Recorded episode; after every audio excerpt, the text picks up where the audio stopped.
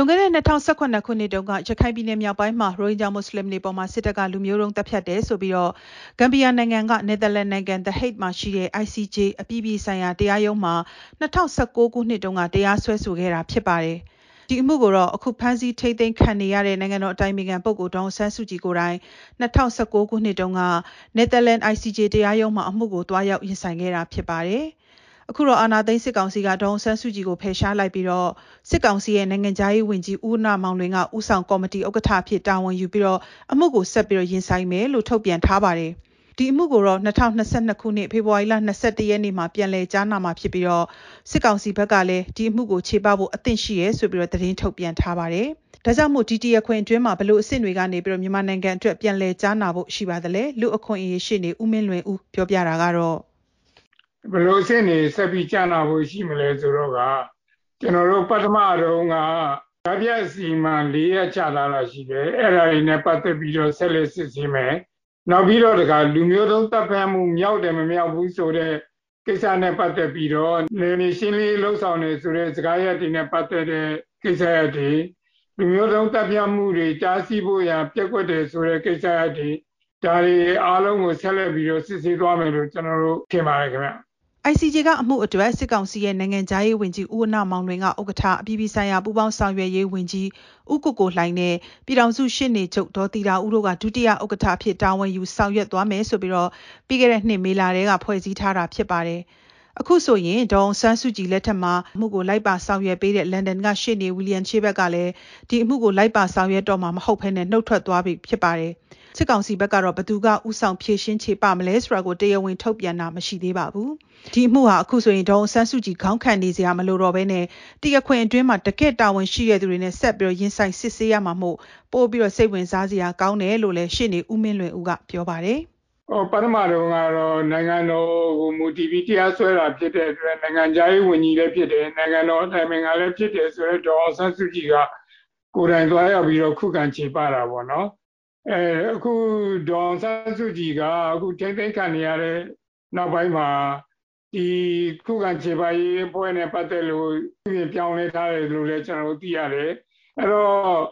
ငကိုကလေးကိုကစစ်အစိုးရကို တရားခွင်ထဲမှာဆွဲသွင်းနေတဲ့ကိစ္စရမျိုးဖြစ်တဲ့အတွက် ICG ကတော့သဘောကျမယ်လို့ကျွန်တော်ကတော့မြင်ပါတယ်နောက်ပြီးတော့ဒီခုခံခြေပါတဲ့ကိစ္စနဲ့ပတ်သက်လို့ကတော့ကျွန်တော်တို့ဒေါအောင်ဆန်းစုကြည်ငကိုကခုခံခြေပထားတဲ့ခုခံခြေပရေးလမ်းကြောင်းကနေတွေ့ဖယ်ပြီးတော့မှခုခံခြေပဖို့တော့မမြင်ဘူးလို့ကျွန်တော်တို့အကြံဉာဏ်သုံးသပ်လို့ရပါတယ်ခင်ဗျ ဒီအမှုကိုကြားနာနေစဉ်2020ဇန်နဝါရီတုန်းက ICJ တရားရုံးကကြားဖြတ်စီမံချက်၄ရက်ဆုံးဖြတ်ခဲ့တာရှိပါတယ်။ ဒါတွေကတော့ရိုဟင်ဂျာတွေအပေါ်လူမျိုးတုံးတပ်ဖြတ်တာတွေကိုကာကွယ်ပေးဖို့လူမျိုးတုံးတပ်ဖြတ်တဲ့အသက်တွေအထောက်အထားတွေကိုမပြည့်စည်အောင်ထိမ့်သိမ်းထားဖို့နဲ့စစ်တပ်နဲ့လက်နက်ကိုင်အဖွဲ့အစည်းတွေဟာလူမျိုးတုံးတပ်ဖြတ်မှုတွေကိုမလုပ်ဖို့ဆိုတာတွေအပြင်ဒီအမှုကိုစီရင်ချက်မချမချင်းဒီ6လတစ်ကြိမ်အစီရင်ခံစာတင်သွင်းမှုတွေဖြစ်ပါတယ်။ဒါပေမဲ့မြန်မာနိုင်ငံမှာ2021ခုနှစ်ဖေဖော်ဝါရီလ1ရက်နေ့မှာစစ်တပ်ကအာဏာသိမ်းခဲ့တာကြောင့်ဒီအမှုဟာအခုဆိုရင်တစ်နှစ်နီးပါးကြာရပ်ဆိုင်းခဲ့တာဖြစ်ပါတယ်။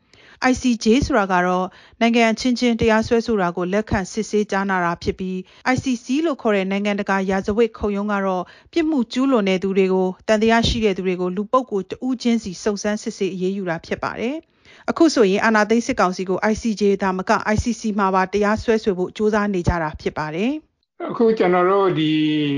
အာဂျင်တီးနားနိုင်ငံဖက်ဒရယ်တရားရုံးမှာဆွဲဆိုထားတဲ့ ဆွဲဆိုမှုတွေလူမျိုးတုံးသတ်ဖြတ်မှုတွေနဲ့ပတ်သက်တဲ့ဆွဲဆိုထားတဲ့ဆွဲဆိုမှုတွေရှိတယ်။နောက်တစ်ခါ ICC လို့ခေါ်တဲ့စစ်ရာဇဝမှုခုံရုံးမှာတရားစွဲဖို့ကြိုးပမ်းဆောင်ရွက်နေတဲ့ကိစ္စတွေလည်းရှိတယ်။ပြင်းထန်ဆုံးဖြစ်နိုင်တာကတော့ဗျာဒီ ICC မှာတရားစွဲနိုင်တယ်ဆိုလို့ရှိရင်တော့ဒီစစ်ကောင်စီတွေရဲ့စစ်အုပ်စုအဖွဲ့ဝင်တွေအားလုံးကိုတိတိကျကျပြစ်ပေးရေးယူနိုင်တဲ့အခြေအနေမျိုးရောက်တာပေါ့နော်။သို့တော်လည်းပဲကျွန်တော်တို့ မြန်မာနိုင်ငံက ICC ကိုမှတရားစွဲနိုင်ဖို့အတွက်ဆိုလို့ရှိရင် Rome Statute ကိုလက်မှတ်ရေးထိုးဖို့လိုတယ်အဲ့ဒါလက်မှတ်ရေးထိုးမထားတဲ့အတွက်တရားစွဲဆိုခွင့်မရှိဘူးဆိုတဲ့အချက်တစ်ချက်နဲ့စစ်ကောင်စီကတက်တာရနေတာဖြစ်တယ်ကျွန်တော်တို့ဒီအာဂျင်တီးနားတရားဥပဒေဆွဲထားတဲ့အမှုကလည်းကျွန်တော်တို့ဒီရင်ဆိုင်ပြေရှင်းဖို့ရာအတွက်တာမန်စာတွေဆင်ထားတယ်လို့ကြားတယ်အဲ့တော့တာမန်စာဆင်ထားတာအတိမဖြစ်ဘူးဆိုလို့ရှိရင် ဖောင်ရန်ထုတ်တဲ့အဆင့်ဒီမျိုးရောက်လာမဲ့အခြေအနေမျိုးဖြစ်တယ်လို့လည်းကျွန်တော်တို့မြင်ပါတယ်အဲ့တော့စနေတာကတော့အာဂျင်တီးနားတရားရုံးကနေပြီးတော့အချိန်မဟုတ်ကောင်းကောင်းနဲ့စနေတဲ့ကိစ္စဖြစ်တယ်လို့ကျွန်တော်မြင်တယ်နောက်ထပ်အစ်ထပ်တိုးမဲ့ကိစ္စကတော့ ICC မှာတရားစွဲနိုင်ဖို့ရအတွက်အဖွဲ့ပေါင်းစုံကကြိုးပမ်းနေတဲ့ကြိုးပမ်းမှုဖြစ်တယ်လို့ပဲကျွန်တော်ကတော့မြင်ပါတယ်ခင်ဗျာ လူအခွင့်အရေးရှိနေဦးမင်းလွယ်ဦးပါရှင်နယ်သာလန်နိုင်ငံမှာရှိတဲ့ဒီ ICJ တရားရုံးမှာဖေဖော်ဝါရီလ22ရက်နေ့အမှုကိုပြန်လည်ကြားနာမယ်ဆိုပေမဲ့ကိုဗစ်စီးမြင်စည်းကမ်းတွေရှိတာကြောင့်ဘလို့ပုံစံနဲ့စစ်ဆေးကြားနာမလဲဆိုတာကိုတော့အတိအကျထုတ်ပြန်ခြင်းမရှိသေးပါဘူး။ ICJ တရားရုံးကိုဒေါန်ဆန်းစုကြည်တွားရောက်ရင်ဆိုင်ခဲ့တုန်းကတော့မြန်မာနိုင်ငံအတွင်းမှာထောက်ခံပွဲတွေဆူတောင်းပွဲတွေနဲ့နိုင်ငံတော်ဝန်ကျင်းပခဲ့ပါတယ်။ဒါပေမဲ့အာဏာသိမ်းစစ်ကောင်စီကအခုဆိုရင်နိုင်ငံအတွင်းမှာအကြမ်းဖက်မှုတွေလူအခွင့်အရေးချိုးဖောက်မှုတွေစစ်ရာဇဝတ်မှုကျူးလွန်မှုတွေအတွက်မြန်မာနိုင်ငံအတွင်းမှာရှိတဲ့လူထုတွေဟာစစ်ကောင်စီကိုအကြီးအကျယ်တွန်းလှန်ပုန်ကန်နေကြတာဖြစ်ပြီးတော့နိုင်ငံတကာကလည်းစစ်ကောင်စီရဲ့ဒီရာဇဝတ်မှုကျူးလွန်မှုတွေကိုစောင့်ကြည့်အရေးယူနိုင်ဖို့ကြိုးစားနေတယ်လို့ဒီအပြစ်ပေးအရေးယူတန်းခတ်ပိတ်ဆို့မှုတွေကိုလည်းကြုံနေရတာဖြစ်ပါတယ်ရှင်။